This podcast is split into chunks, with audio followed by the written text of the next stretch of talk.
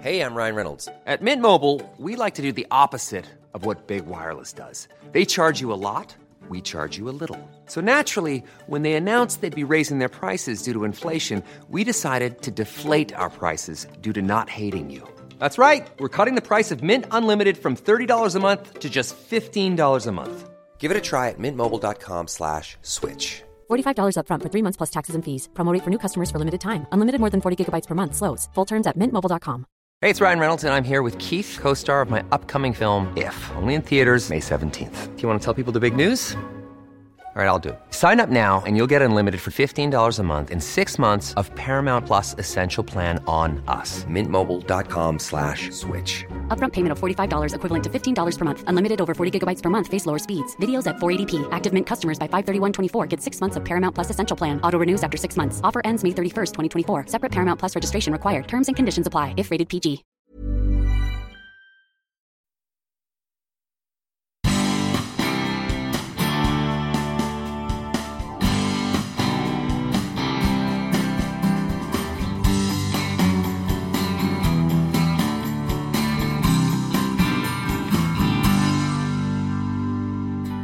Ofta så brukade jag säga när jag jobbade framförallt på så här vår, höst, sommar. Sa man växlande molnighet med lokala regnskurar, då var man safe. Det kunde vara så att jag mötte en person på gatan som jag har varit hemma och käkat middag hos i grupp. Du vet, man har en, kör en middag ett par gånger. Den personen bytte trottoar när jag kom för de orkade inte möta mig. För att de tyckte att jag förmodligen var så ointressant när jag inte jobbade på TV. Jag kan, inte bara, jag, kan inte vara, jag kan inte vara en betraktare på utsidan och försöka skriva mina karaktärer. Jag måste vara i dem. Så jag kan ju vara en gärningsman före lunch och i brottsoffret efter lunch. Och det här tar energi. Vill du veta allt om krim och hur man skriver en bra deckare? Ja, då är det här avsnittet något alldeles extra för dig. Tillsammans med deckarförfattaren Anke Edvinsson dyker vi nämligen riktigt djupt ner i hur man skapar gärningsman och poliser och hur man beskriver både brott och miljöer på ett trovärdigt sätt. Researchen tar lång tid och lär ta ännu längre tid när hon blivit färdigutbildad kriminolog. Anke är polisdottern som blev deckarförfattare efter en framgångsrik karriär på TV4. Många av dem som hade passerat tonåren på 90-talet kommer säkert ihåg henne som Väder-Anki. Hon var den där glada tjejen som presenterade vädret med ett leende och kunde få en spann vatten över huvudet i direktsändning. Vi pratar också om kändisskap och vad som händer när strålkastarna släcks. Hur det är att förlora sin förälder tidigt och hur det är att växa upp i en småstad där polisen höll ett vakande öga på henne.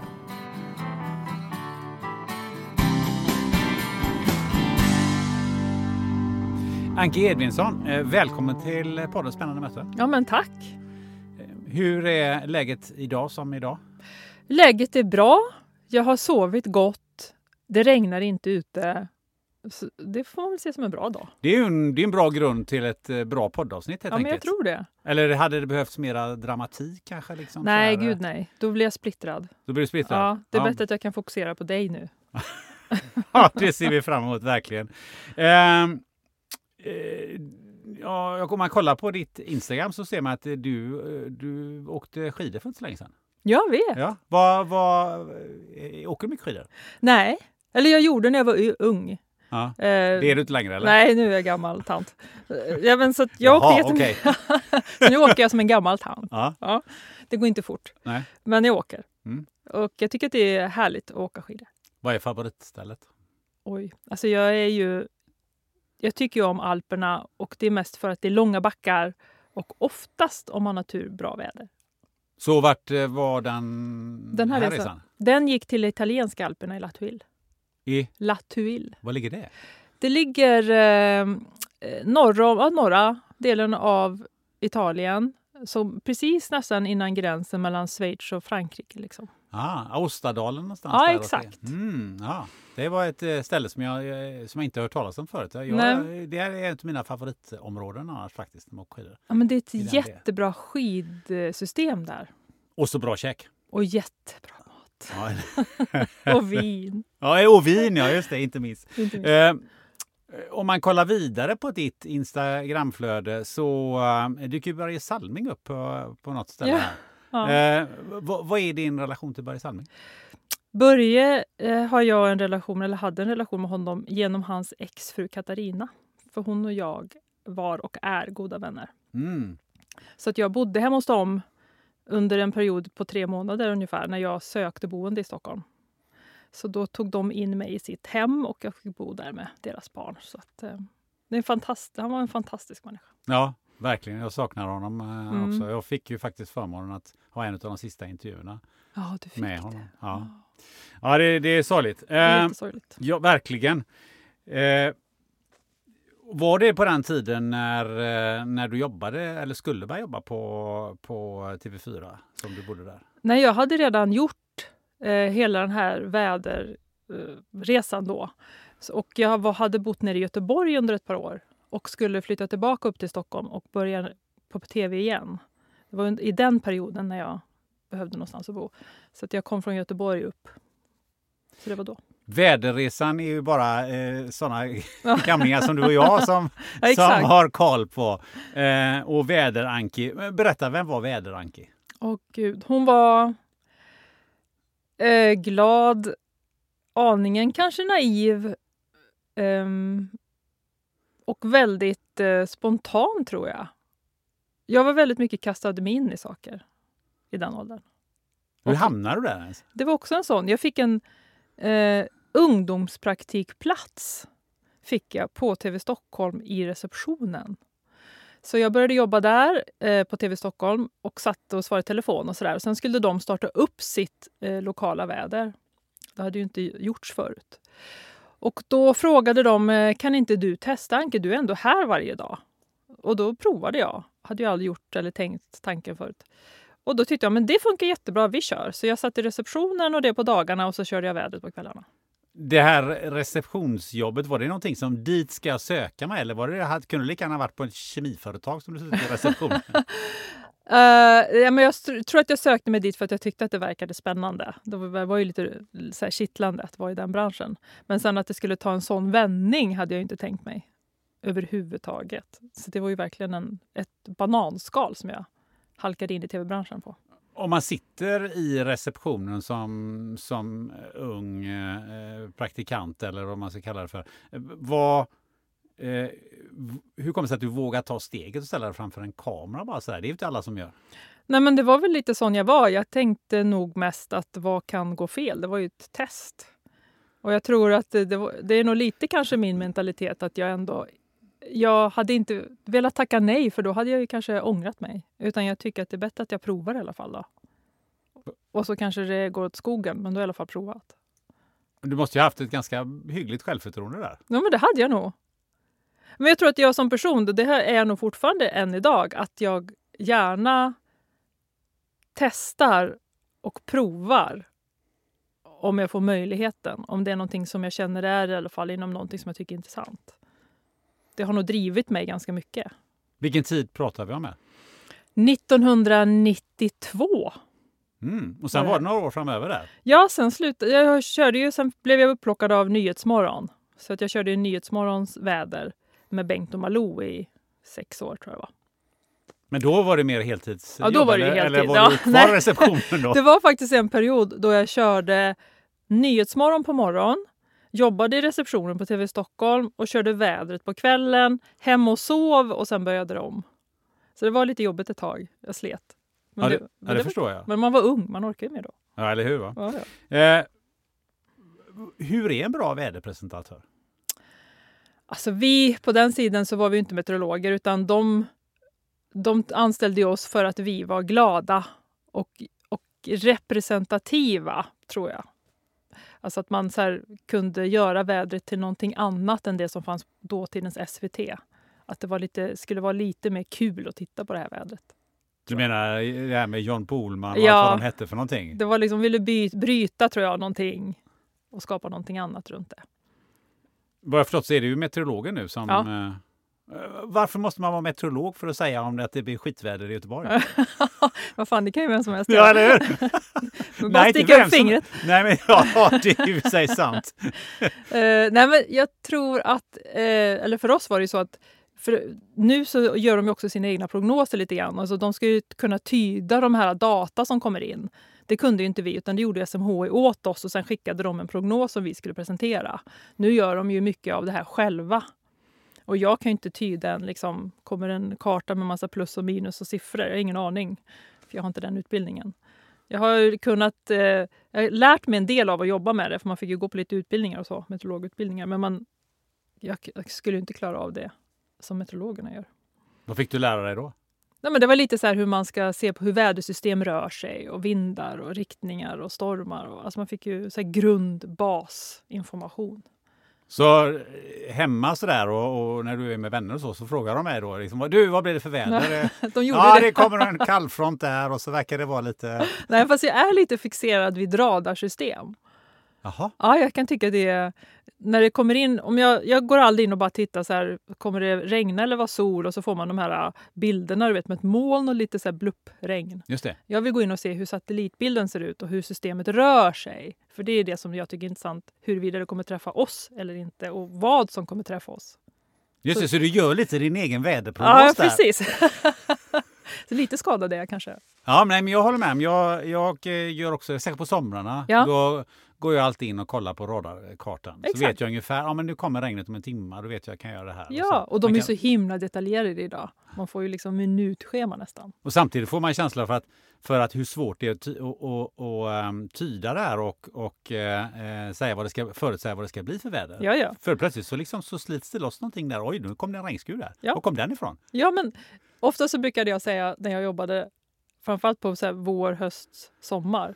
Sa man växlande molnighet med lokala regnskurar, då var man safe. Ja, eller hur? För det, det kunde bli någonting av det, och man hade inte sagt fel. Men sa du fel någon gång? Så här, har du några här bloopers du kan bjuda på? Ja, framförallt på, när jag jobbade på TV Stockholm där i början, för då bandade vi det vädret precis kanske någon timme innan det skulle sändas. Och då stod jag en, en dag eller en kväll och sa strålande sol, sken ikväll, jättefin, så här, njut av sommar, sensommarkvällen. Och när det sändes så var det totalt ösregn över stan. Men det ju inte du hjälpa. Nej, men hade vi inte bandat det så hade jag ju kunnat liksom säga någonting annat. Det är sant. Hur funkar det rent sådär eh, praktiskt när man står för den här väderkartan? Är det en sån stor, är det en, en kamera, en bildskärm eller hur, hur, det är så som man ser det på tv eller är det, finns det någon, Nej, någon men skillnad? det är ju den här... nu tror jag de har gröna bak, ba- gröna skynken bakom, eller om det är blå. Det kan variera. Och sen så har du bara, du ser ju väderkartan i små skärmar vid sidan om. Så du pekar ju mot en vägg bara. Jaha, så då måste du, då gäller det att du pekar Ja, polisen så man rätt, måste att- träna lite så att man hamnar rätt. Så att man inte, I början pekade jag ju så här, pratade om Skåne och pekade på Ryssland. Det var lite så här innan man hittade den här... Ja, för det, jag har ju sett en, en eh, film, jag vet inte om du har sett den, som heter The Weatherman. Ja, Mm. Eh, med Nicolas Cage. just det. Och där står han också och pekar på någon sån här grön Ja, ja, vägg. Och då, då reagerade jag tänkte jag, vad fasen vad konstigt. Ja, men det är så det funkar. Men det, i den filmen så kastade de ju eh, hamburgare på honom och, Ja. och tyckte att hur kan han ha ett sånt, eh, sånt jobb, så välbetalt och, och göra så, så lite. Mm. Hur mycket hamburgare fick du på det? inte mycket. Fast jag hade en redaktion som var väldigt eh, uppfinningsrika. För på den tiden så var ju mycket så här att man testade sig fram. För TV var ju, TV4 var ju så ungt då. Och då fick man liksom utmana lite. Och när jag läste vädret så fick jag... De hällde en gång en hink vatten över mig. Det kom löv, det kom lite allt möjligt. För att de ville göra någonting så här, de ville väcka tittarna. Och de väckte ju mig också. Men det var så här, vad rolig tid. Det, var, hände, hände grejer. I Ja, nu är, inte, nu är det bara tråkigt. Nu är det bara... Ja, liksom- ja. Tänk om man skulle kasta över ett, ett eh, hink med vatten över Madeleine mitt i direktsändning. Det skulle i alla fall väcka tittarna. Det hade ju varit svinkul. ja, verkligen. Dessutom så eh, var det så här att eh, ehm, eh, Nicolas Cage, far den här eh, familjen, tyckte liksom att eh, men, väderpresentatör, det är väl, det är väl liksom ingenting. Mm. Vad, vad, vad sa din familj? Eh, vad tyckte de om det att presentera vädret? Jag tror att, eller de tyckte att det var lite kul. Alltså jag tror att det också var lite som jag själv kände att lilla Mariestad-tjejen hamnade i, i riks-tv. Det var lite, alla var nog lite förvånade och eh, hur, vad hände? Så. Han hade ju bra betalt. Eh, Hade du bra betalt? Jo, eller jag hade varken dåligt eller bra. Var väl ganska medel. För många tror ju att bara för att man hamnar i tv-rutan så har man ju svinmycket betalt. Ja, nej, men så är det ju inte. hur, mycket, hur mycket saknar du Väderanki? Inte så mycket. Jag, kan, jag saknar henne för att arbetsplatsen och den tiden var nog en av de roligaste jag upplevt inom arbetslivet. Det var en fantastiskt rolig tid. Men jag saknar ju inte jobbet i sig. Så. Det, det är jag väldigt färdig med. Hur mycket tror du tittarna saknar Väderanki?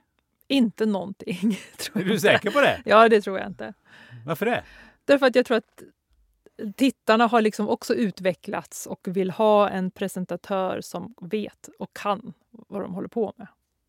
Jag tror att de vill ha meteorologerna, för det känns också tryggt och professionellt. Okej, okay. så meteorologerna säger att det blir eh, kanonväder och sen blir det inte det så är, är de mer förlåtande? så är de mer förlåtande. Eller inte? Ja, ja det är eller inte, jag vet ja. inte. Eh, och du tjänar mycket pengar, men känd blev du ju. Ja, men det blev jag. Ja, hur var det?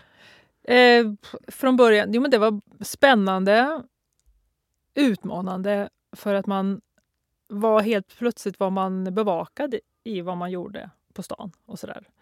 Eh, så det var kul, utmanande och en enorm erfarenhet att få med sig som ung. Vad gjorde det kändisskapet med dig? Eh, jag tror att jag fick lära känna mig själv. Man blev lite på sin vakt. Um, och jag fick... I början så tror jag bara det var glass och ballong. Det var bara roligt. Man blev bjuden på fester. Man fick ju någon form av bekräftelse som jag tror att många som är offentliga inom tv-branschen... Eh, man, det blir en, en bekräftelse som är lite skön i magen. Men den kommer ju också med ett pris där man blir dömd eh, granskad.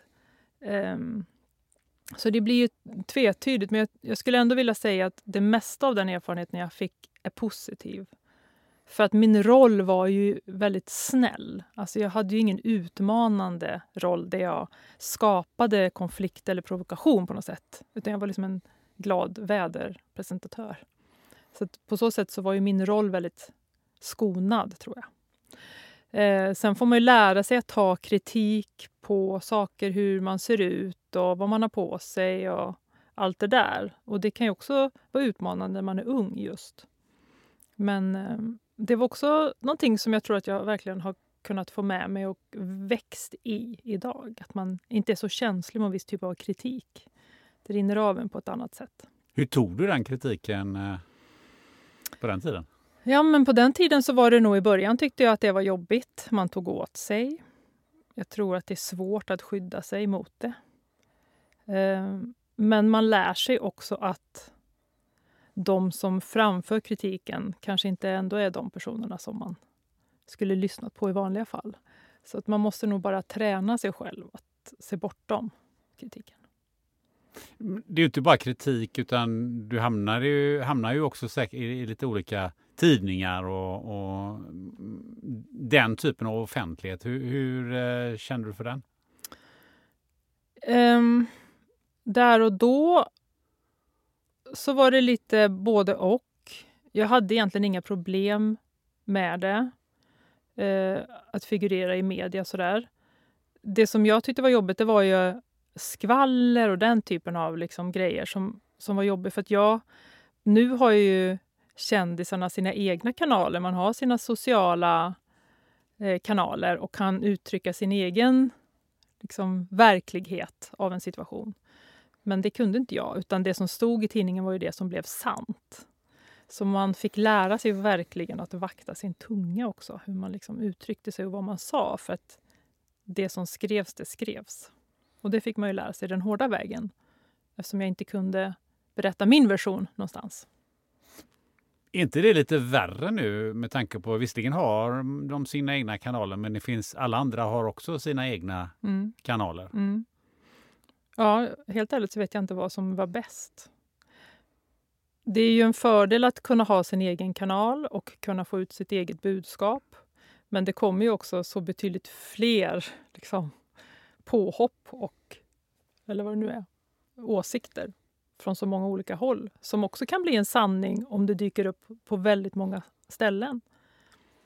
Och då kanske man också fightas lite mot strömmen ändå.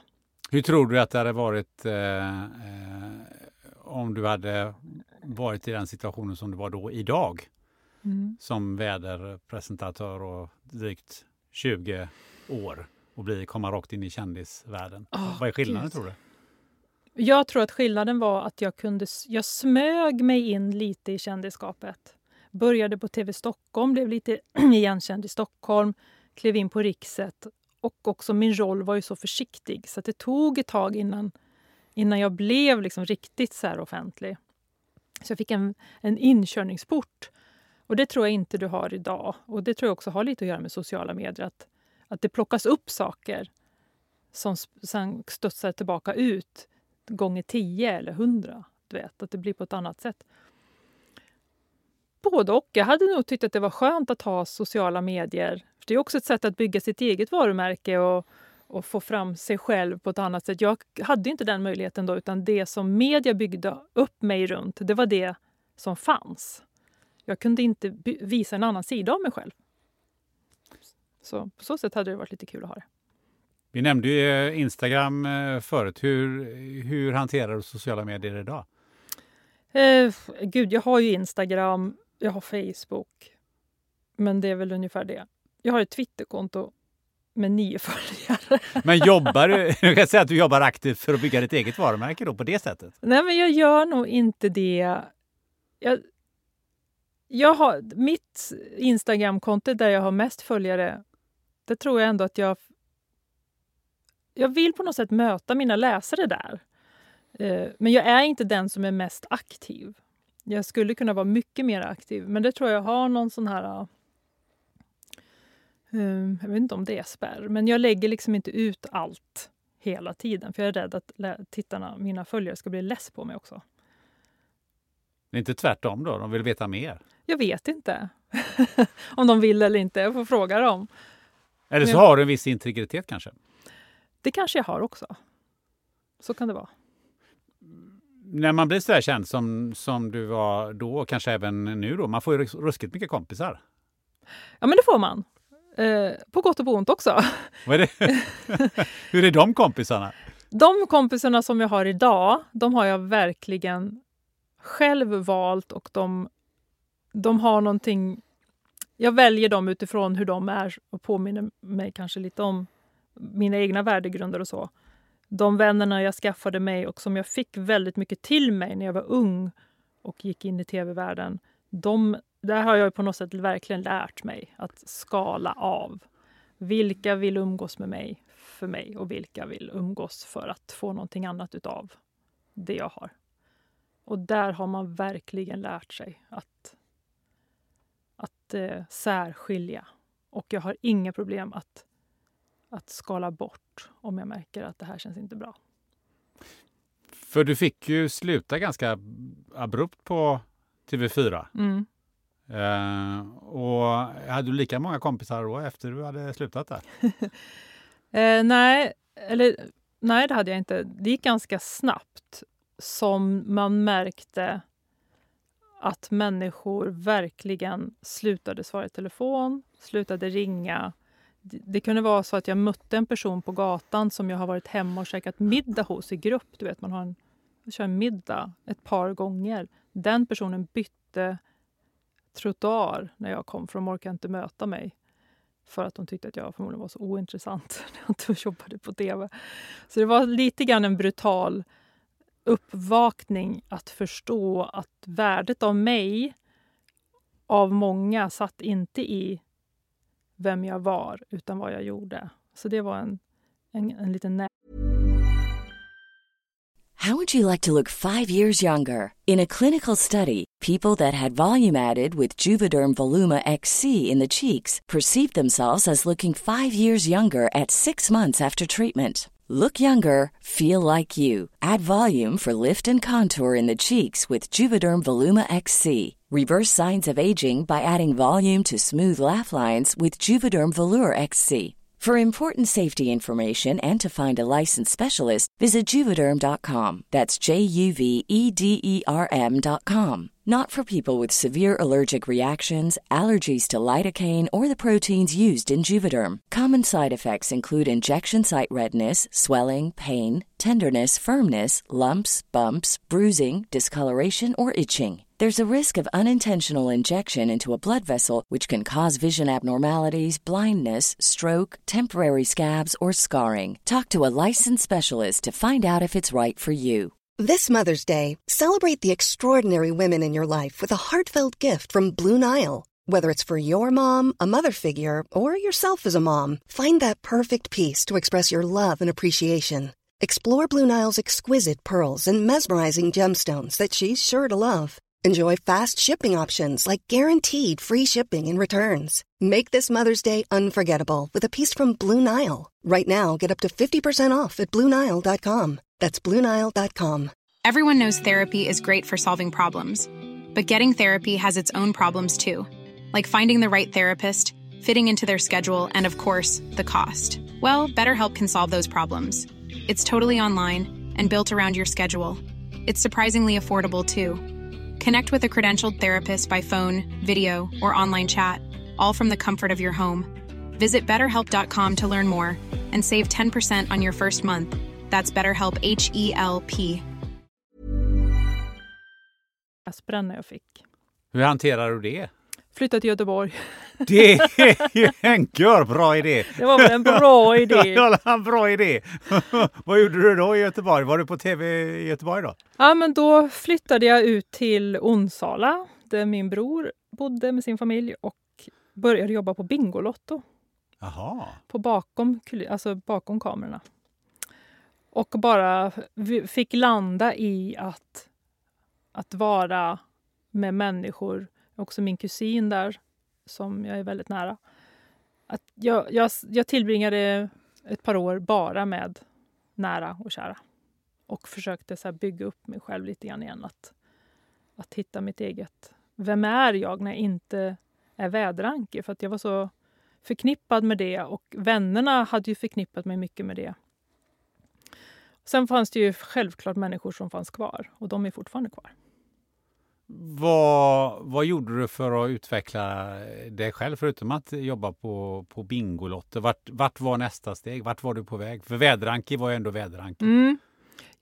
så för mig handlade det jättemycket om att försöka förstå, för jag hade på något sätt gjort så många år och blivit så mycket väderanki med svenska folket. Så för mig var det viktigt att landa i det blev lite en identitetskris, tror jag. Att förstå att jag har ett värde utanför tv-världen.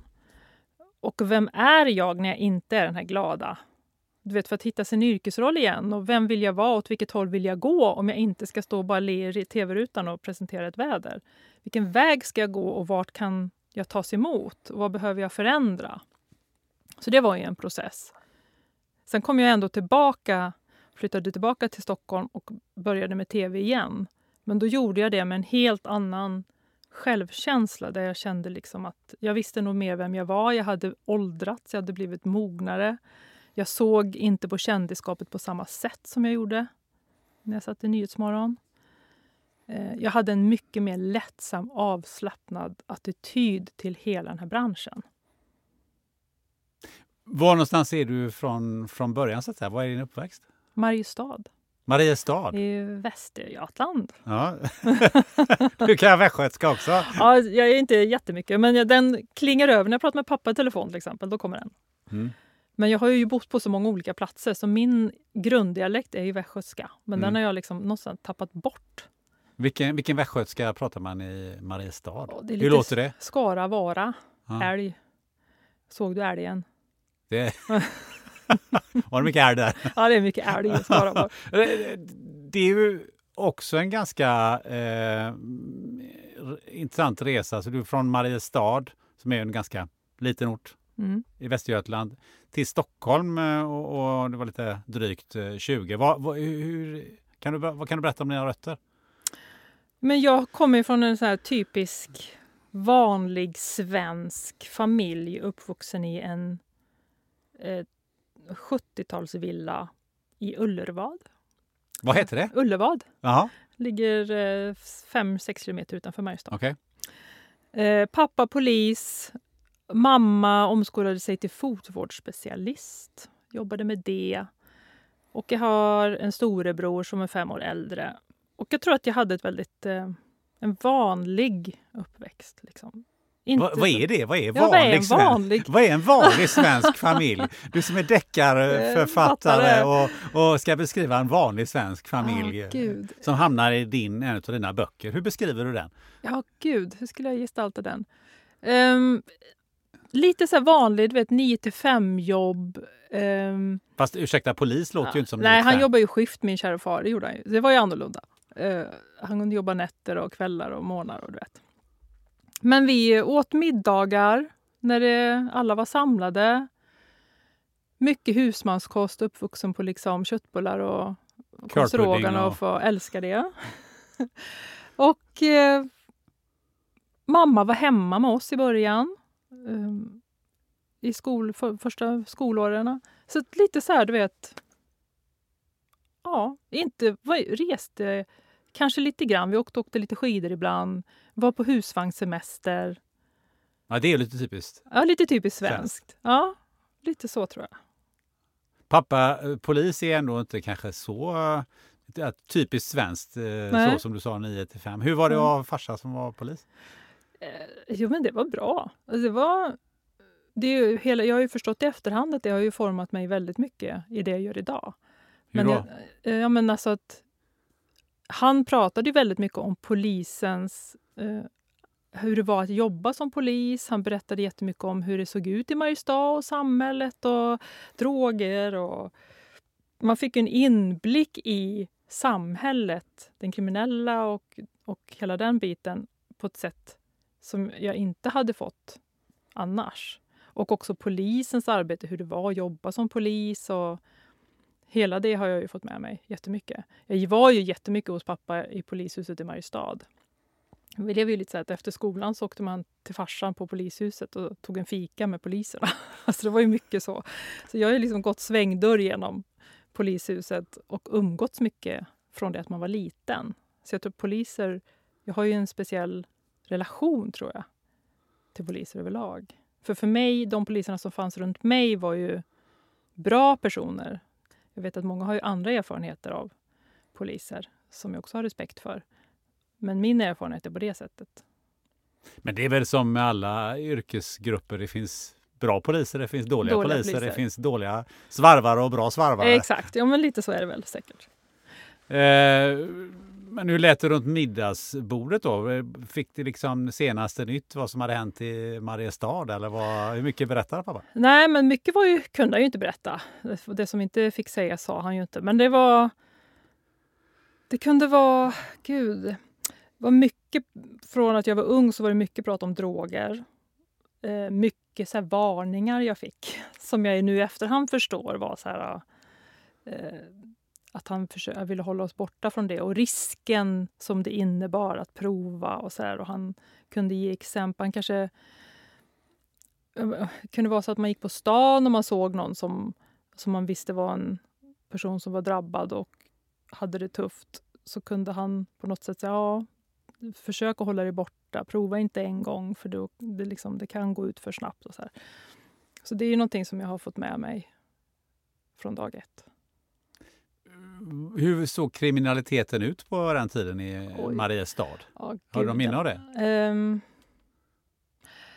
jag minns nog mest att det var fylleri.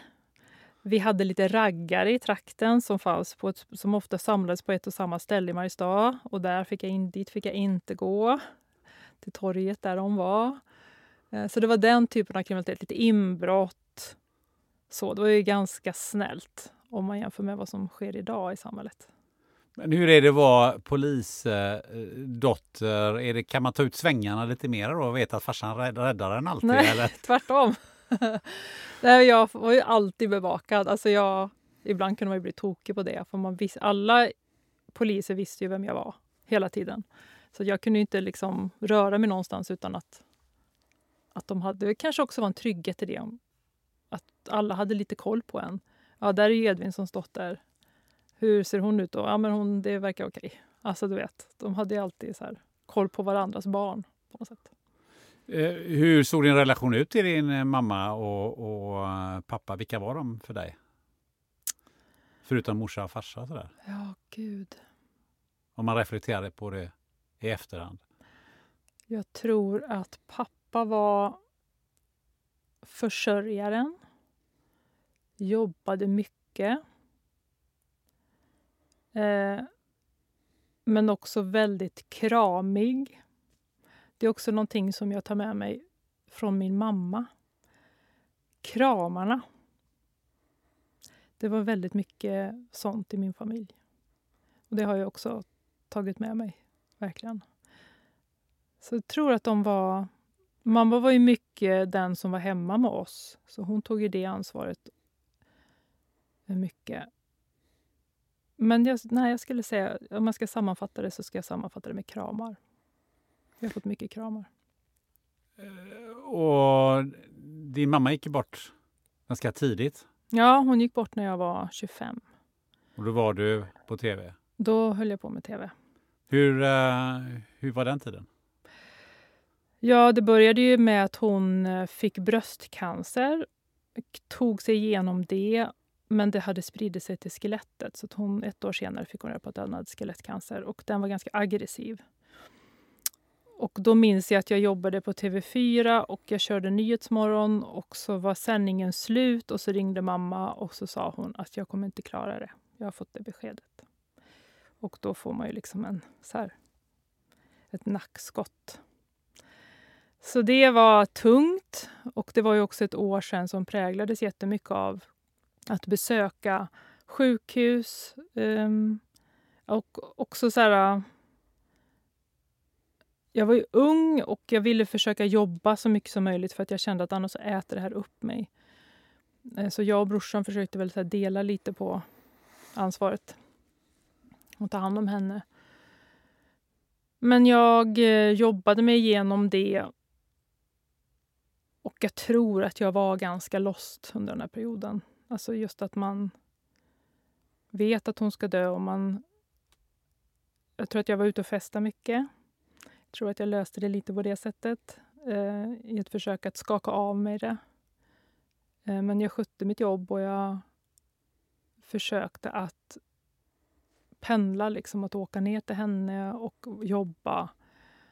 Och, eh, men jag tror att också att jag, det var viktigt att försöka ta hand om mig själv också i det. Att få vara på jobbet med mina kollegor och, och tänka på någonting annat. För jag tror att jag hade blivit knäpp annars. För det var så tungt. Jag tänker att det måste vara svårt att vara den där glada väder-Anki. Mm. Samtidigt man... har man det där. Vad, hur, eh, hur hanterar man det? Kan man vara glada väder-Anki? Ja, men man kan vara det under de korta perioderna som det var på morgonen när man sände. Så kunde jag vara det. Och jag tror också att jag gjorde det för mammas skull. Att visa att, jag, att det går bra. Eh, men sen så vad som hände efter sändningarna, det var väl det som var... Då fick man försöka så överleva. Är det rent av så att, att du var en annan person?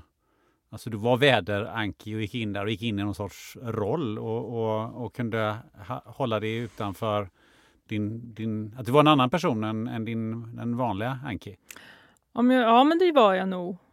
För jag var så van, jag hade jobbat ett tag ändå då. Jag var så van att koppla på den ja, väderanki. Jag kopplade på henne eh, och kopplade av. Så jag tror att under den här perioden med mamma så kopplade jag på på morgnarna, kopplade av. Men det var också skönt, det var, det var något skönt att få landa i det att få vara den där, koppla på henne för att kunna hantera det andra på något sätt. Eh, om vi hoppar lite så, eh, och tar oss eh, från, från den tiden till det du jobbar med idag mm. som deckarförfattare. jag funderar på vad, vad, vad krävs det för att liksom bara kasta sig ut och börja skriva deckare plötsligt? För vi pratar eh, väderanki och sen så gjorde den åter, eh, tillbaka, kom det tillbaka i tv och sen var det deckare. Mm. Hur, hur tog du det steget? Eh, jag tror att det är lite samma hopp som jag gjorde när du sa så här, hur kommer det sig att du ställde dig framför kameran när du var så ung och bara läste vädret? Det är lite samma anledning som jag är där jag är idag. Alltså att jag, drömmen att skriva hade funnits där från att jag var ung. Men allting annat som har hänt i mitt liv har liksom suddat ut det. Jag har liksom tappat bort den önskan för att jag har fokuserat på min tv-karriär och det har varit andra saker. Så att när jag fick det här fönstret av tid när, när jag jobbade på TV4 i Umeå då. De la ner ju när TV4 la ner lokalstationerna. Där fick jag ett fönster av tid där jag kände att det är nu eller inte, aldrig. Så det var då. Så då stod jag där för det där klippstupet igen och tänkte okej, okay, jag hoppar. Jag hoppas att jag landar skönt. Så jag gick en utbildning, en skrivarutbildning började jag med. På Skrivarakademin på... Eh, vad heter det? På... Ja, skitsamma. Skrivarakademin. Folkuniversitetet heter det. Eh, och där gick jag en ettårig utbildning och bara fick så förkovra mig i hur i hela friden skriver man en hel bok som folk faktiskt vill läsa också.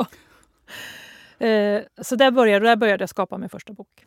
Och sen så blev jag otroligt frustrerad när jag skulle skapa mina karaktärer och mina bovar och insåg men vilka är de? Vad, har, var kommer deras djup ifrån? Vad har gjort dem till att bli de de är? Vad har de haft för uppväxt? Och Det kunde inte jag riktigt svara på.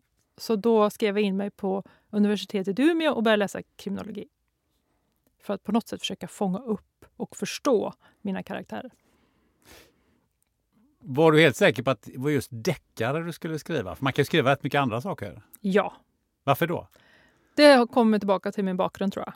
Mitt intresse för samhällsproblemen som jag alltid har burit med mig. Att jag är väldigt intresserad och håller mig informerad. Och läser mycket och tar in information om vart samhället befinner sig. När det kommer till kriminalitet och så. Och pappa har påverkat dig? Mycket har han gjort det är hans intresse som jag har ärvt. Vad sa pappa när du sa första gången att ja, men jag ska eh, bli krimförfattare? Jättebra! Jaha, varför tyckte han det? Nej, men jag tror att han tyckte att det passade mig. Han vet ju vem jag är, eh, vad jag brinner för. Så jag tror att han såg att det här skulle kunna bli någonting bra och också att jag tycker om att skriva. Jag tänker på att vara författare eh, jämfört med att eh, vara på, på tv. Det är lite på tv är det det maximala extroverta mm. eh, trippen och sen så som författare har jag förstått i alla fall, du får gärna rätta mig om jag, mm. om jag har fel, men det är, det är ju ett rätt ensamt och introvert jobb har jag fått uppfattningen om. Hur, hur hanterar du det? Det är två helt ytterligheter. Ja, jag tycker det är svinskönt. eh, jag tror, jag tycker att jag kan ta del av de bästa världarna för att jag kan vara introvert under skrivperioden vilket är ganska skönt, för jag är nog lite introvert som person. Men jag får ju det extroverta när den ska lanseras. Då får man ju liksom det andra med bokmässor, träffa mina läsare, intervjuer. Eh, man får göra tv, radio och man släpper boken och man får kontakt med sina läsare precis som man kunde få kontakt med sina tittare förr. Så då kommer den extroverta delen. Men den är inte lika intensiv hela tiden, utan den kommer i sjok. Och det är ganska skönt. Är det inte rätt ensamt att vara författare? Jo, om man väljer. Man kan välja. Hur då? Alltså författare, bara för att man är författare så behöver man inte låsa in sig. Man kan ju gå ut och träffa sina vänner på, på en AV eller man kan ta en lunch eller man kan, man kan ju välja. För man styr ju väldigt mycket över sitt, sin tid själv. Fast du måste ju ändå vara ganska disciplinerad. Du måste ja, men, skriva ett antal timmar per ja, dag. Ja, men jag låser in mig. Jag, mina vänner avskyr ju att jag typ aldrig träffar dem. Framförallt under mina skrivperioder. För att jag går så in, Jag orkar inte. Att skriva för mig dränerar mig. Alltså på energi. Man kanske tror att man sitter hemma och skriver lite, lite gulligt. Men man blir trött i huvudet för att man är i de här äh, scenerna hela tiden. Och jag måste ju på något sätt vara i mina karaktärer när jag skriver. Jag kan inte bara, jag kan inte vara, jag kan inte vara en betraktare på utsidan och försöka skriva mina karaktärer. Jag måste vara i dem. Så jag kan ju vara en gärningsman före lunch och i brottsoffret efter lunch. Och det här tar energi. Och vem är du när eh, din man kommer hem? Ja. Åh gud, vem är jag då? En disktrasa är jag då. Nej då. Jag är nog ganska... Men då är jag nog lite sugen på sällskap. Så jag tycker det är lite mysigt när han kommer hem. För då har jag någon att prata med. Det är inte så att du inte orkar med honom? Nej, men som tur är så orkar jag med honom. Du säger att du går in i dina karaktärer. Mm. Eh, är det inte svårt att gå in och ur karaktärerna? Jag tänker att eh, gå och lägga dig på kvällen och så plötsligt så är du gärningsmannen där i huvudet medan du ska somna. Eller hur, hur funkar det? Det är lite beroende på. Har jag haft en väldigt bra skrivdag när jag har varit väldigt intensiv, då kan det vara så att jag, jag hela tiden du vet, man försöker göra någonting annat. Man försöker gå och lägga i en tvätt eller man försöker sätta sig och kolla på en film. Men man hela tiden så dras tillbaka in i den här karaktären för att man känner sig kanske inte färdig med texten. Det är någonting som pockar på uppmärksamhet och då är det lite att man, då vet jag att jag måste gå tillbaka för att jag dras tillbaka hela tiden. Men sen kan jag också ha dagar då jag känner mig helt färdig. Jag kan vara i en, i en man gärna och skriva färdigt ett kapitel och lämna det och känna att jag inte kommer tillbaka. Då vet jag att den scenen är klar. För att jag dras inte in i det igen. Det är som att man känner när det inte är färdigt. Men när det inte är färdigt, hur är snacket med eh, mannen då när han kommer hem? Överfaller du honom med, med, med den här historien som du har, som du har hållit på med under, under dagen? Eller, eller hur, hur är det? Också, jo, ibland kan han, han får ju, ofta, han får ju liksom hela boken i talform egentligen. Han vet ju allting som händer utan att behöva läsa Han får det stora manuskriptet. Han får det stora och mycket av det som redigeras bort får han också. Så att han får ta en del och ibland kan jag säga, vad tycker du? Vad blir bäst? Och så får, bara för att få en annan åsikt i någon situation som jag skriver om. Um, men ibland så är det också så att, att jag kanske inte pratar om boken på fyra veckor. För att jag känner mig så trygg eller jag är trött på texten kanske till och med. Eller du vet, man vet inte riktigt, det pendlar. Han säger inte liksom att nu får inte jag vara med längre? Eller liksom Nej, men han är ändå, hålls ändå uppdaterad så pass. Men det är klart, ibland kan han ju känna om jag inte pratat om boken på fyra veckor, bara vad händer? Vem har du dödat idag? Men hur mycket har han påverkat eh, eh, olika delar i de här böckerna som du har skrivit? Har han liksom kommit med sån här, ja, när den kom den vändningen och det, det var faktiskt han som... Uh, nej, men han, är nog, han försöker att inte påverka mig så mycket. Han har nog tagit, har det som strategi. Utan han är nog mer en lyssnare som tar in information. Och sen kan jag bolla. Och sen så lämnar han upp till mig att här, fatta beslut. Vad är skillnaden mellan att vara författare och vara journalist? Eh, eller om man ska ställa frågan, om man är journalist, blir man en bra författare då? Jag trodde att jag skulle bli en bra författare för att jag är journalist. Men när jag väl började skriva så förstod jag ju att, och gick den här utbildningen, mitt sätt att skriva som journalist var ju helt fel som författare. För som journalist så ska du så komprimera en text oftast. Det viktigaste först och sen lite brödtext och sen lite lullull i slutet. Här handlar det om att bre ut texten och gestalta och stanna kvar i ämnen. Och du kan ju inte... Som journalist är du faktabaserad jättemycket. Ju. Här, du kan inte bara rabbla massa fakta, det blir skittråkigt att läsa. Så du måste liksom beskriva faktan genom gestaltning Liksom. Det är så himla roligt att få liksom hitta olika kluriga sätt att berätta fakta utan att det blir stolpigt och journalistiskt fakta. För det gjorde jag fel till början. Var det en fördel eller en nackdel att du hade erfarenhet som journalist? Fördelen är att jag är van att göra research. att ta fram fakta, information eh, och grotta ner mig i ämnen. För det har jag gjort jättemycket som journalist. Så det var fördelen. Men ju rent det här när jag ska skriva texten, den kände jag inte. Ja, kanske att jag är van att skriva långa texter.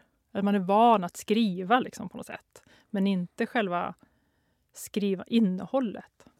Hur skriver man en bra deckare? Åh, oh, gud. jag vet inte, höll jag på att säga. Nej. du har bara gett ut tre succéromaner, men du har ingen aning om Jag bara gör ju. Nej, jag... Oh, gud. Um, jag fokuserar jättemycket på att berätta. Jag, jag vill ju gå in i mina karaktärers huvuden. Det är någonting som jag tycker är intressant. Så det har jag fokuserat på. Jag vill att läsaren ska förstå vem gärningsmannen är lika mycket som vem brottsoffret är, eller polisen är. Eh, jag tror också jättemycket, mitt sätt att skriva är att det händer väldigt mycket. Det är ett tempo i mina böcker. Och jag vill inte att läsaren ska lägga ifrån sig boken. Det är lite min, eh, mitt sätt att skriva. Skriver du med läsarens glasögon på dig eller skriver du för att, för att du är den du är? För att du är Anki, så här vill jag att det ska vara? Eller är det för att du tänker att ja, men det här funkar nog bra för alla de här läsarna här ute? Jag skriver precis det som jag vill läsa själv. Jag, jag är likadan när jag ser på filmer eller på serier. Så är jag väldigt tydlig med vad jag gillar och inte gillar. Och att det får inte vara för... får inte stanna upp för långa... Eh, för lång tid. Då tappar jag intresset. Jag har så där, och där är jag nog likadan när jag skriver. Att det måste hela tiden finnas en liten triggerpoint som gör att man vill fortsätta läsa. Vare sig man är mitt på en brottsplats eller man är hemma hos en polis i en vardag. Så måste det finnas någonting som kittlar som gör att man vill läsa vidare. Men hur går du tillväga när du nu eh, ska starta en, en ny roman? Mm. Hur börjar du? Eh, oftast så har jag tagit en liten insamling. Jag, sitter ju, jag följer mycket nyheter och läser mycket tidningar och jag följer samhällsdebatten. Och där fångar jag upp lite grann intressanta ämnen som, som det diskuteras och pratas mycket om. Eh, sen kan det vara... Ibland så har jag en, kommit över en, en karaktär som jag känner att den här karaktären kan jag göra väldigt intressant jag kanske gör den till en mördare eller jag gör den till en brott, ett brottsoffer. Vad menar du med ursäkta, kommit, kommit över en karaktär? Hur menar du då? Det kan vara att jag har läst en dom. Eh, det behöver inte vara så att, att det jag har läst om är huvud... Eh, den som blir dömd, utan det kan vara en karaktär i periferin där som jag tycker är intressant. Eh, eller så kan det vara att jag har ett mord som jag vet att det här vill jag ta upp. Det kan vara något spektakulärt eller det kan vara helt ospektakulärt men det finns den här intressanta karaktären i bakgrunden. Och då bygger jag min story runt det mordet. Så ibland bygger jag det runt karaktärerna som jag har hittat. Ibland bygger jag runt mord som jag har luskat fram. Och sen så mycket av det som jag skriver om har ju också hänt. Eh, jag plockar mycket från verkligheten men gör om lite grann för att det ska passa in i min, i min eh, intrig. Så att jag, jag plockar från verkligheten, både samhällsmässigt och vad som har hänt. Och sen eh, gör jag om det till viss del.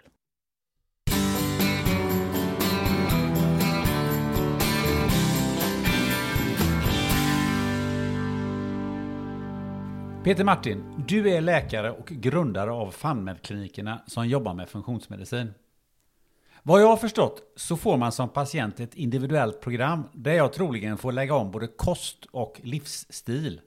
Det låter ju skitjobbigt jämfört med att bara ta några piller varje dag. Visst kan det vara jobbigt att göra förändringar i sitt liv. Eh, men att äta medicin varje dag mot till exempel migrän, smärta och högt blodtryck, det är ju faktiskt ett betydligt sämre alternativ. För du trycker ju bara ner symptomen och tar inte reda på orsakerna. Som medlem hos oss på FunMed får du dessutom stöd från ett team med både läkare och hälsocoach för att du ska klara omställningen till ett liv där du blir av med dina besvär. Saknar du någon som tar ett helhetsgrepp om din hälsa? Börja med att boka ett kostnadsfritt introduktionssamtal på funmed.se. När du tecknar FunMeds medlemskap så ser man hela dig. Tillsammans med din funktionsmedicinska läkare så skapar du en plan för kost, näring och livsstil baserad på avancerade labbtester och ett holistiskt synsätt. Sen får du stöd av ett dedikerat vårdteam med läkare, hälsocoach och sjuksköterska. Gå in och läs mer på funmed.se. Tack FunMed!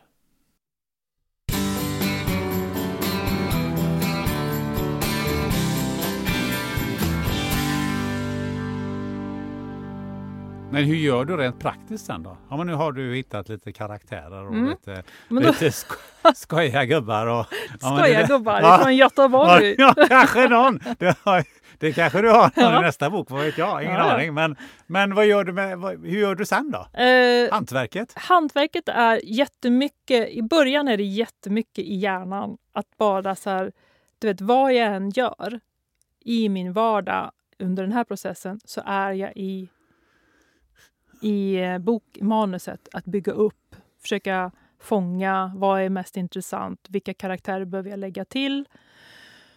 Och när jag har liksom, jag skriver en karaktärslista, det här är liksom huvudmord, eh, de här personerna vill jag ha med runt omkring. Och när det är gjort så sätter jag upp post-it-lappar och där flyttar jag runt dem. Du vet, det ska in ledtrådar, man ska lura läsaren, de ska iväg åt olika håll. Eh, och vart kommer det här in bäst? Och där kommer lösningen på den ledtråden. När ska nästa ledtråd in och vart? Alltså då blir det som ett pussel du ska lägga för att få det ungefär så. Och när det pusslet är gjort då skriver jag en synopsis på ungefär hur det här manuset kommer att skildra sig. Och när jag har synopsiset, jag vet precis hur det ska börja, jag vet hur det ska sluta, då börjar jag skriva. Du nämnde research och kriminolog. Mm. Kriminolog mm. heter det. Ja. svårt ord. Eh, varför är det så viktigt att det, är, att det är så nära verkligheten som möjligt?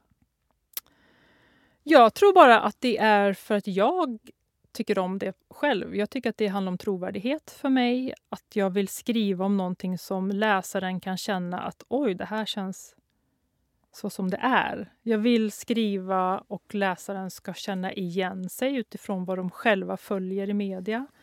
Jag vill upplysa läsaren kanske ibland hur det faktiskt kan se ut och te sig. Och jag vill också att läsaren ska få komma lite närmare de som utför någonting. Att kanske försöka förstå bakgrunden till Eh, ett brottsoffer, vad gör, vad, gör, vad gör att en person hamnar i den situationen att den drabbas av det? Eh, jag tar upp mycket droger ofta, för det är det som, som flödar i den här världen. Eh, ungdomar tar upp mycket det. Hur mycket droger det faktiskt finns där ute. Eh, det är liksom lite grann en upplysning också. Så för mig är det jätteviktigt att fånga försöka i, krimfång, i krimform fånga verkligheten. Sen går det ju liksom inte att... att eh, det är trots allt fiktivt och det är en deckare. Men jag vill ändå försöka bidra och, och det ska kännas som att det ändå är dagsaktuellt och det händer. Det, det, är lite dokumentärt nästan.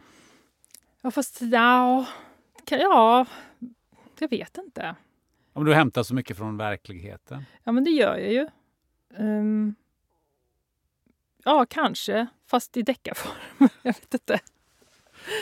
Eh, jag intervjuade Jonas Trolle för ganska länge sedan mm. här, som ju var polis eh, och mm. avslöjade eh, Kapten Klänning. Mm.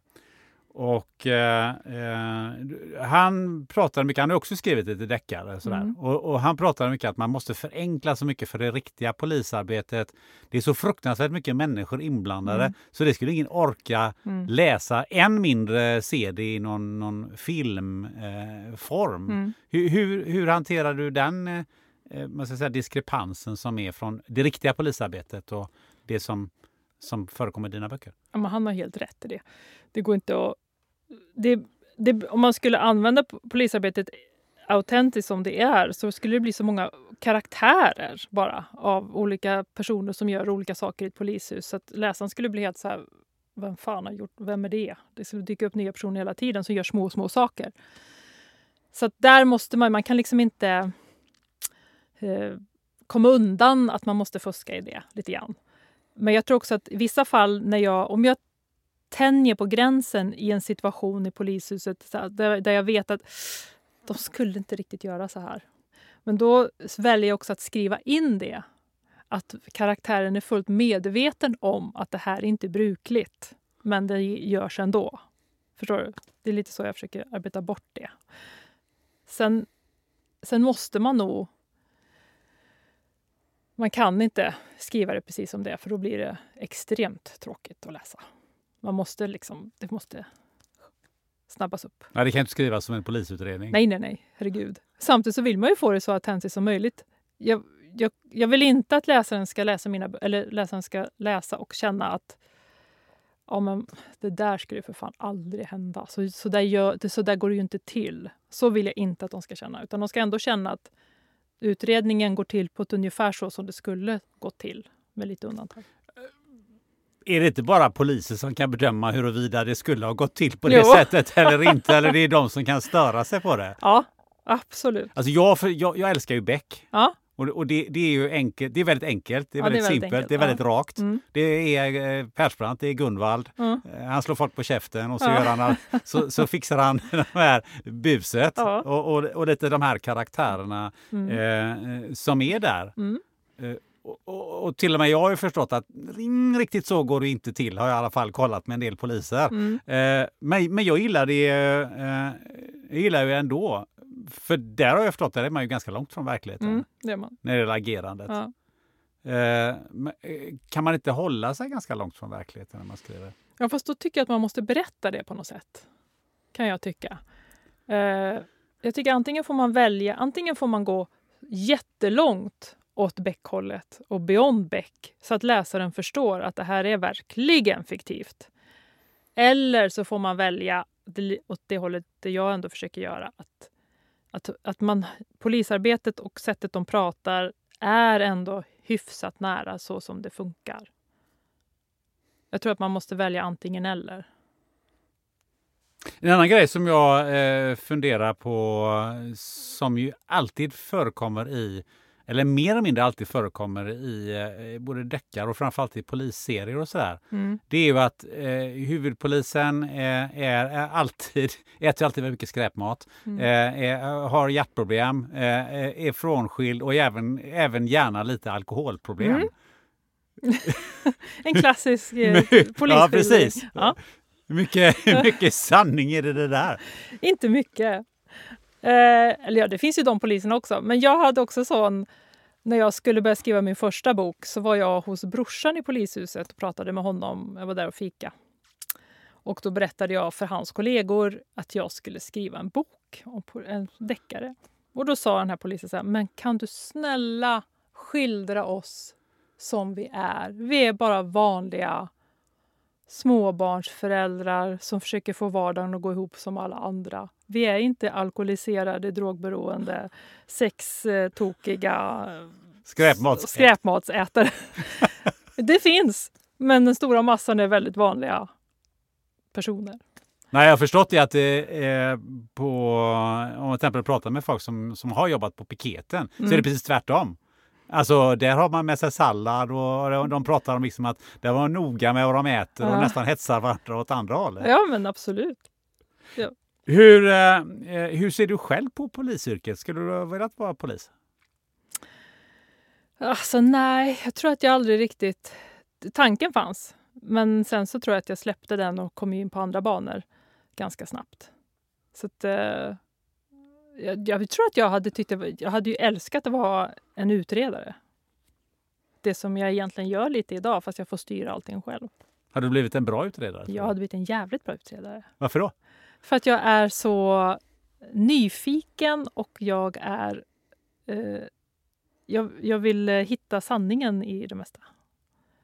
Och det är också så här, jag tror att man måste vara en personkännare. Och man måste orka med det tråkiga arbetet. Jag tror att jag är ganska så här, äh, kan tugga på för att få alltså tålamodet att, att ge det tid för att hitta, gå olika vägar för att hitta sanningen. Hur mycket eh, fakta får du från farsan och, och, och brorsan? brorsan? jag får ju samhällsutveckling och polisyrkets vardag. Pappa är pensionerad idag. Men framför allt nu tror jag, nu skriver jag ju så mycket så jag kan liksom inte hålla på och störa min kära bror med massa frågor hela tiden. Han har ju ett jobb att sköta. Men jag får jättemycket hjälp av att jag får ju kontakter in i hjärtat. Alltså det, det är väldigt tacksamt att behöver jag prata med en forensiker eller en IT-tekniker eller en vad det nu än är så är ju det tacksamt för att jag kan eller någon specialist på något område. Det finns ett, en enkelhet att nå folk. En annan sak jag funderar på det är det här våldet som mm. förekommer i många krimromaner. Mm. Eh, som jag ibland kan uppleva som ja, gärna lite överdrivet. Alltså det är ju inte, det är inte så att någon råkar bli lite lätt mördad någonstans utan det är liksom det dras ut tänder eller det, det, det, man matar, matar örnar med folk. Alltså mm. det är liksom mycket sånt här. sån här det är nästan makabert. Mm. Eh, är det lite är det lite en kapplöpning om hur, hur makabra mord eh, som man kan komma på? Eh, är lite som min egen fråga. Och det andra är liksom, hur, hur nära verkligheten är man då? Förekommer det sådana här mord? Det förekommer men väldigt sällan. Alltså det är samma sak så med seriemördare, det är också populärt att skriva om. Eh, också någonting som är väldigt ovanligt, i Sverige framför allt, att det förekommer seriemördare. Men det är väldigt tacksamt att, att skildra i deckare. Det blir ju en, en, en trigger i det. Men jag tror också som du säger det här med att, att morden blir, aldrig, blir mer och mer bestialiska. Och det tror jag har att göra med att det säljs så otroligt mycket krim idag. Och vi svenskar eller, vi tycker om att läsa det. Men det, det är som att man måste på något sätt utmana läsaren hela tiden. För läsaren blir också mätt och vill få nya triggers. Och då tror jag det blir som att vi som deckarförfattare på något sätt försöker så här, hitta nya sätt att, att chocka läsaren. För att vi har utvecklat skrivandet så mycket så man måste hela tiden så vidga vyerna i hur man mördar folk. Bestialiskt och hemskt. Men det är vad jag tror är anledningen. Att man, det är ett sätt att försöka fånga nya läsare och hålla fast läsare. Att det är ju någonting med deckare som, som triggar folk att bli lite så här... Uh. Och det är väl det lite som man så här, är och touchar på. Att, Ja, personligen har jag väldigt svårt för, eh, för de här böckerna när man går Eh, när man går så långt, till exempel eh, en fattare som Kepler. till exempel. Mm. Alltså det, blir, det blir mord som man bara tänker att okej, okay, ja, ja, mm. nej, jag orkar, inte, jag orkar mm. inte läsa det här. Nej, jag vet. Det, det, är ju liksom en vattendelare, tror jag lite grann. Vissa älskar det och sen finns det sådana som är som du som tycker att det är obehagligt. Jag tror att jag försöker att eh, jag kan ha något makabert mord men jag vill inte beskriva hur det går till, alltså i realtid. Eh, och sen så tror jag, jag försöker ändå, jag tror att mina böcker är lite grann ändå klassisk deckargenre. Eh, att jag inte, jag sticker inte riktigt iväg så hårt. För att jag själv kan tycka att det är lite jobbigt att... Jag, skulle, jag vill inte vara i den situationen. Men var får, var får man idéerna från eh, kring det här, de här bestialiska morden? Jag vet inte. Ja, men det måste ju vara någon fantasi eller någonting som man... Jag gör ju inte de best, mest bestialiska, men jag tror att en tanke föder en annan. Du vet att du har... Du har ett... Du, du, du, du tänker så här, ja, men han blir knivmördad. Den tanken föds vidare till ett annat... Du vet, ja, man kanske skär lite där. Och sen förstår du att det så utvecklas i tanken från det lilla blir det stora tänker jag mig. Men jag vet faktiskt inte. Så jag, jag kan ju tänka så när jag, när jag ska... Men ofta så är ju mycket av det som jag har skrivit om har ju hänt. Sen har jag vidg, jag gör så, jag vid, kan ju vidga ett mord. Det kanske inte var så hemskt från början, men sen har jag lagt till lite. Uh, Och det är ju också för att många gånger kan det också vara för att föra en historia vidare så behöver man liksom någonting mer än bara den där kniven i bröstkorgen. Du har ju några karaktärer som eh, återkommer Mm. i de här böckerna. Va- Vilka är de? Hur skulle du beskriva dem? Oj, de är väldigt olika. Vi har ju Charlotte von Klint som är min, eh, huvud, en av mina huvudkaraktärer. Polis, utredare, eh, uppvuxen i Stockholm, eh, silversked i mun, gått på Lundsberg, skulle egentligen blivit läkare. Eh, behöver egentligen inte jobba för hon har det ganska gott ställt. Eh, men brinner för det här yrket och har valt polis för att hon älskar det hon gör. Eh, och har gått emot hela sin familj. Hon kommer då upp till, till Umeå där hon har fått den här tjänsten och möter sin kollega Per Berg som är född och uppvuxen i Umeå, småbarnspappa, har två killar som spelar hockey och en fru. Reser kanske inte så mycket, men väldigt så typisk, nu är vi tillbaka på, svensk eh, familj. Så de två möts och det blir fördomar där Umeå får möta den ur adels Stockholmskvinnan och Stockholmskvinnan får möta det norrländska. Det är en jätterolig liksom, twist i det, tycker jag. Att, att, att få jobba med varandras fördomar om varandra. Så det bygger jag mycket på. Hur mycket av de här karaktärerna och det som, som, som du beskriver i boken, mycket av det hämtar du i ditt eget liv? Ganska mycket ändå. Jag kan hämta mycket karaktärer som finns i mitt, min egen omgivning. Um, um, sen också lite så här, jag flyttade ju upp från Stockholm till Umeå själv. Så jag fick kom ju in och såg Umeå med helt nya ögon. Eh, eftersom jag inte var inhemsk. Så att jag, Charlotte får ju på något sätt lite grann så här möta och ta in Umeå som jag fick ta in Umeå. Så jag ger ju henne lite av mina egna upplevelser.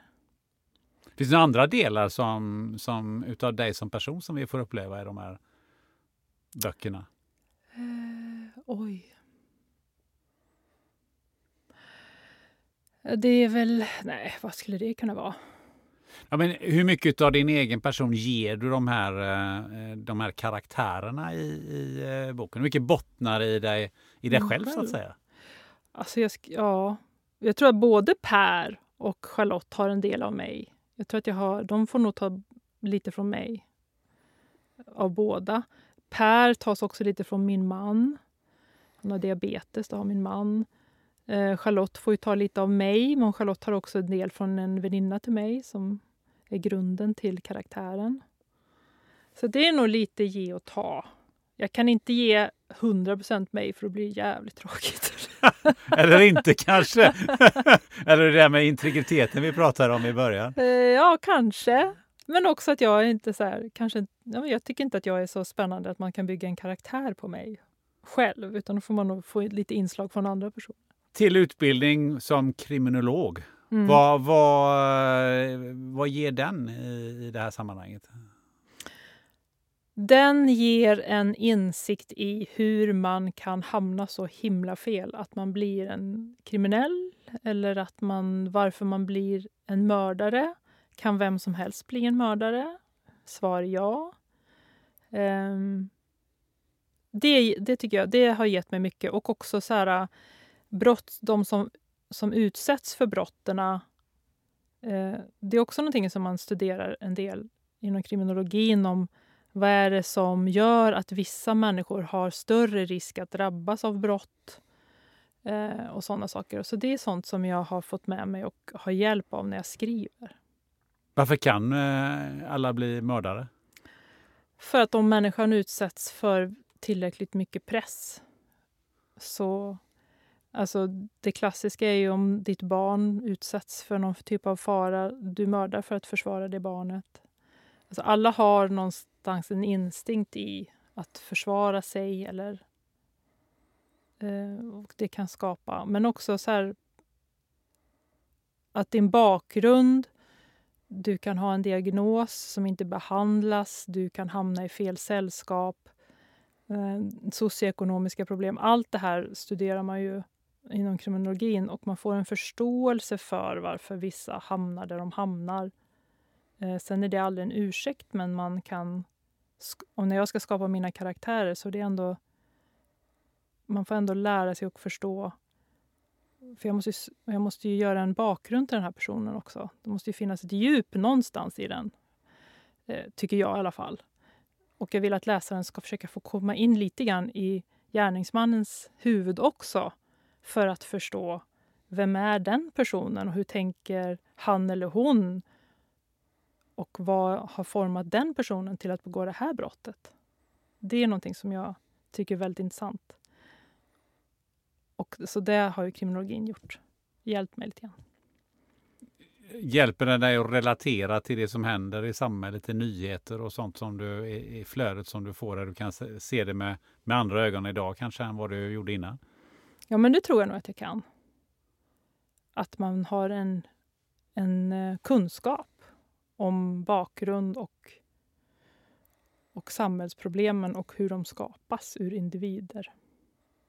Hur, har du gått några andra kurser och utbildningar för att Ja, men jag gick ju en utbildning, när jag skrev Snöängen så gick jag en utbildning för då skulle jag skildra två tonårstjejer som var 16-17 år. Och jag var lite så här, hur ska jag skildra dem? Vad går de igenom? Jag är en 50-årig tant, liksom, vad vet jag? Och då gick jag en utbildning som hette att vara tonårsflicka i Sverige på 2000-talet. Eh, för att på något sätt försöka fånga upp vad de möter för problem och hur deras um, liv kan te sig och hur annorlunda det är från när jag växte upp. Allt det här hur sociala medier, eh, vikthets, eh, jämförelsehetsen, kraven, likes, eh, den sociala strukturen men också den psykiska ohälsan, vad den göder, vad, den kom, vad kommer den ifrån och hur påverkar den ungdomarna idag? För de har det ju tufft alltså, många. Och det, alltså, jag visste inte riktigt hur jag skulle skildra det. Och då fick jag med mig jättemycket därifrån. Eh, vad kommer det sig att du har, att du har lyckats som, som deckarförfattare? För det är ju som du, tror du nämnde, att det är en ganska hård konkurrens. Mm. Ja, ah, gud. Jag måste fråga mina läsare. Jag säljer ju böcker. Ja, det gör du upp helt uppenbart. det, kan, det är helt uppenbart. Ja. Vad tror du själv? Jag tror själv att det är lite grann av det som vi har pratat om nyss, att jag försöker fånga hur det ser ut. Och jag tror att det är en kombination av också att jag har ett ganska stort driv i mina böcker. Så gillar man det så gillar man nog mina böcker, tror jag.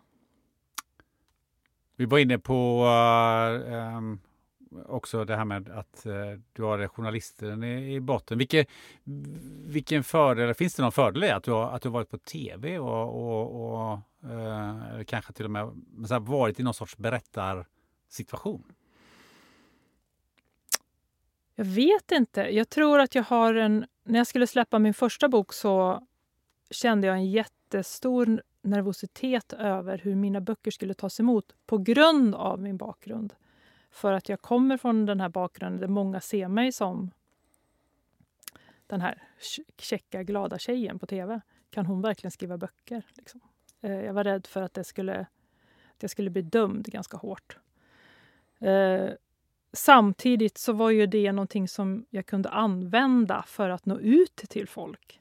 Att jag hade den bakgrunden. Eh, så jag tror att det var lite både och. Jag vet jag fick en kommentar en gång på en, en recensent som skrev Kan en avdankad väderflicka verkligen skriva böcker? det var nog lite så jag också kände, alltså att jag var rädd för att det skulle tas emot på det sättet. Ja, hur mycket av det har du mött? Förvånansvärt lite, tycker jag. Jag måste faktiskt säga att jag har tagits emot bättre än vad jag vågade hoppas på. Jag kanske dömde folk lite för hårt. Du dömde folk för hårt? Ja, att jag trodde att de skulle döma mig hårdare än vad de gjorde. Tänker jag. Sen har du ju några tjejer som, har, som, är, som är före dig. Ja, de har hjälpt mig. De har hjälpt dig? ja. På vad sätt då? Nej, men de har ju gått i bräschen för att, att kvinnor överlag är förbaskat duktiga skribenter. Och de har visat det. Och det tror jag också har hjälpt, naturligtvis, min väg i den här branschen. Men det är väl nästan så att det, det finns fler kända kvinnliga Mm. krimförfattare än, än manliga? Ja. Är det inte så? Vi har nästan blivit för många nu. Nu känner jag att nu får vi nog stoppa här. det börjar bli trångt. Nej, då. Nej men det är konkurrens, konkurrens föder ju bättre författare. Så jag tror, jag känner ju, nu har jag ju också precis bara börjat, jag är bara ett litet spädbarn i den här branschen. Spädbarn. Jag har gett ut tre böcker. Då är man spädbarn. Då är man spädbarn. Jag hoppas snart kunna börja gå. Eh, och jag tror ju att eh, jag är så pass ung i branschen. Men jag, tror, jag känner ändå att jag måste vara på tå och inte börja skriva böcker på ren rutin.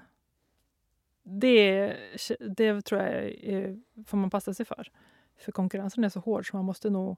Jag känner i alla fall att jag måste lägga tid och energi på mina böcker.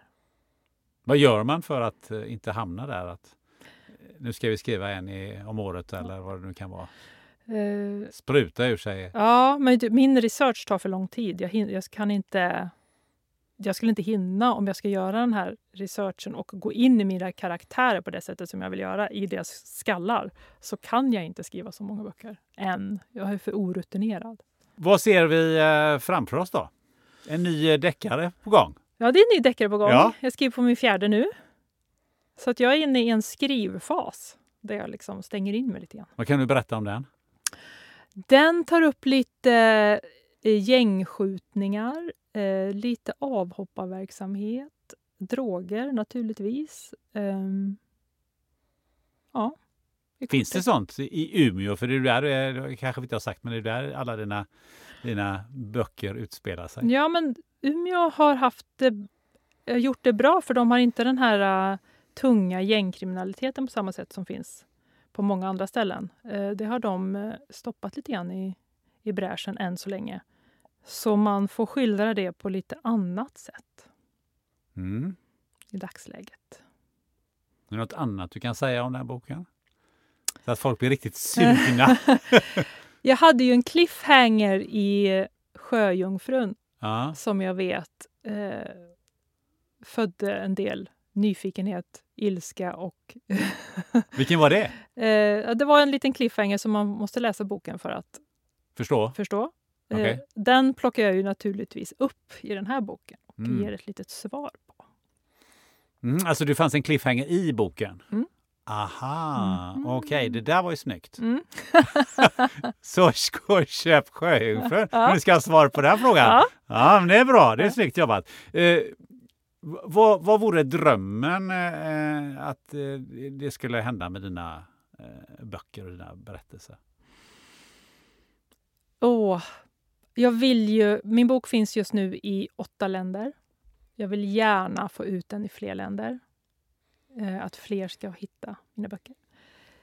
USA, England är ju sån här... England finns jag ju i, men USA är ju en sån marknad som man gärna vill fånga. Men det är en vet, stor marknad. det är en stor marknad. Men jag vet att det krävs många, många fler böcker för det. Eh, sen är det ju film eller serier. Skulle ju det. vara- också vara drömmen att få, att få se sitt verk filmatiseras på något sätt. Hur mycket skulle du blanda dig i den filmatiseringen? Jag tror att jag skulle blanda mig i så pass att de som ska göra projektet, att jag känner mig trygg med dem. Känner mig trygg med dem så kan jag släppa. Vilka skådespelare? Vem, vem, vem spelar Charlotte och Per? Ja, gud. Jag har ju haft en tanke på eh, Petra Mede kanske. Som eh, Charlotte? Ja. Mm. Per vet jag inte riktigt.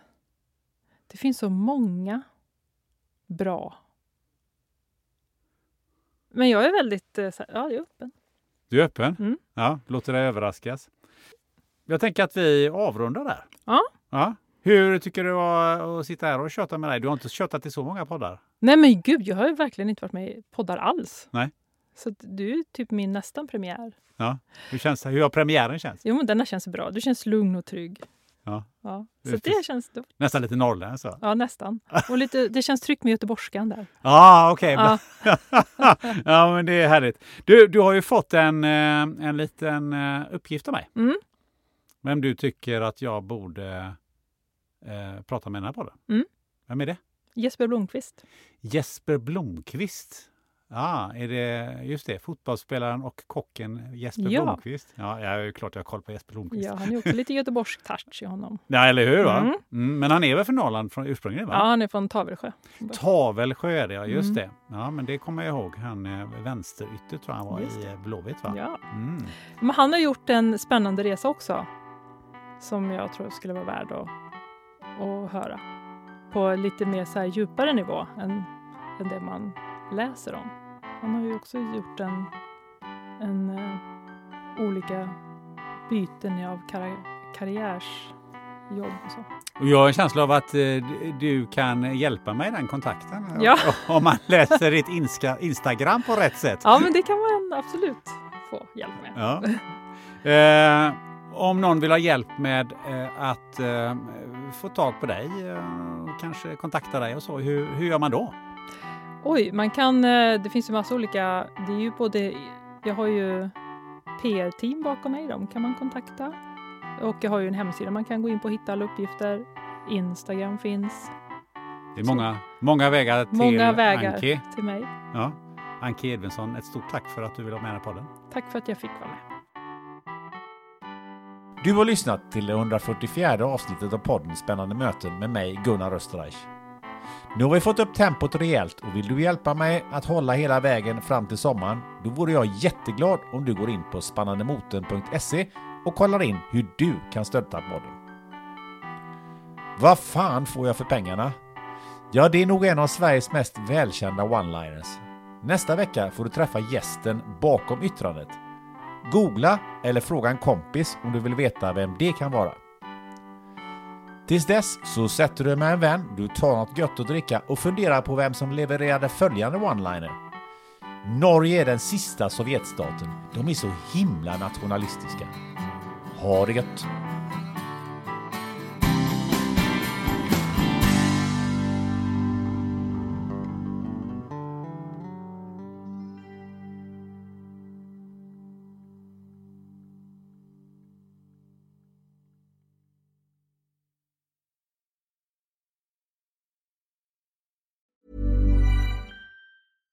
Even when we're on a budget, we still deserve nice things.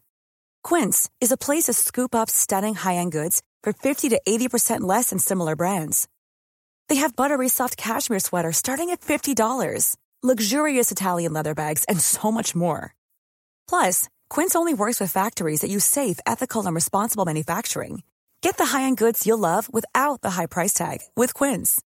Go to quince.com slash style for free shipping and 365-day returns. Planning for your next trip? Elevate your travel style with Quince. Quince has all the jet-setting essentials you'll want for your next getaway, like European linen, premium luggage options, buttery soft Italian leather bags, and so much more. And is all priced at 50 to 80% less than similar brands. Plus, Quince only works with factories that use safe and ethical manufacturing practices. Pack your bags with high-quality essentials you'll be wearing for vacations to come with Quince. Go to quince.com slash pack for free shipping and 365-day returns.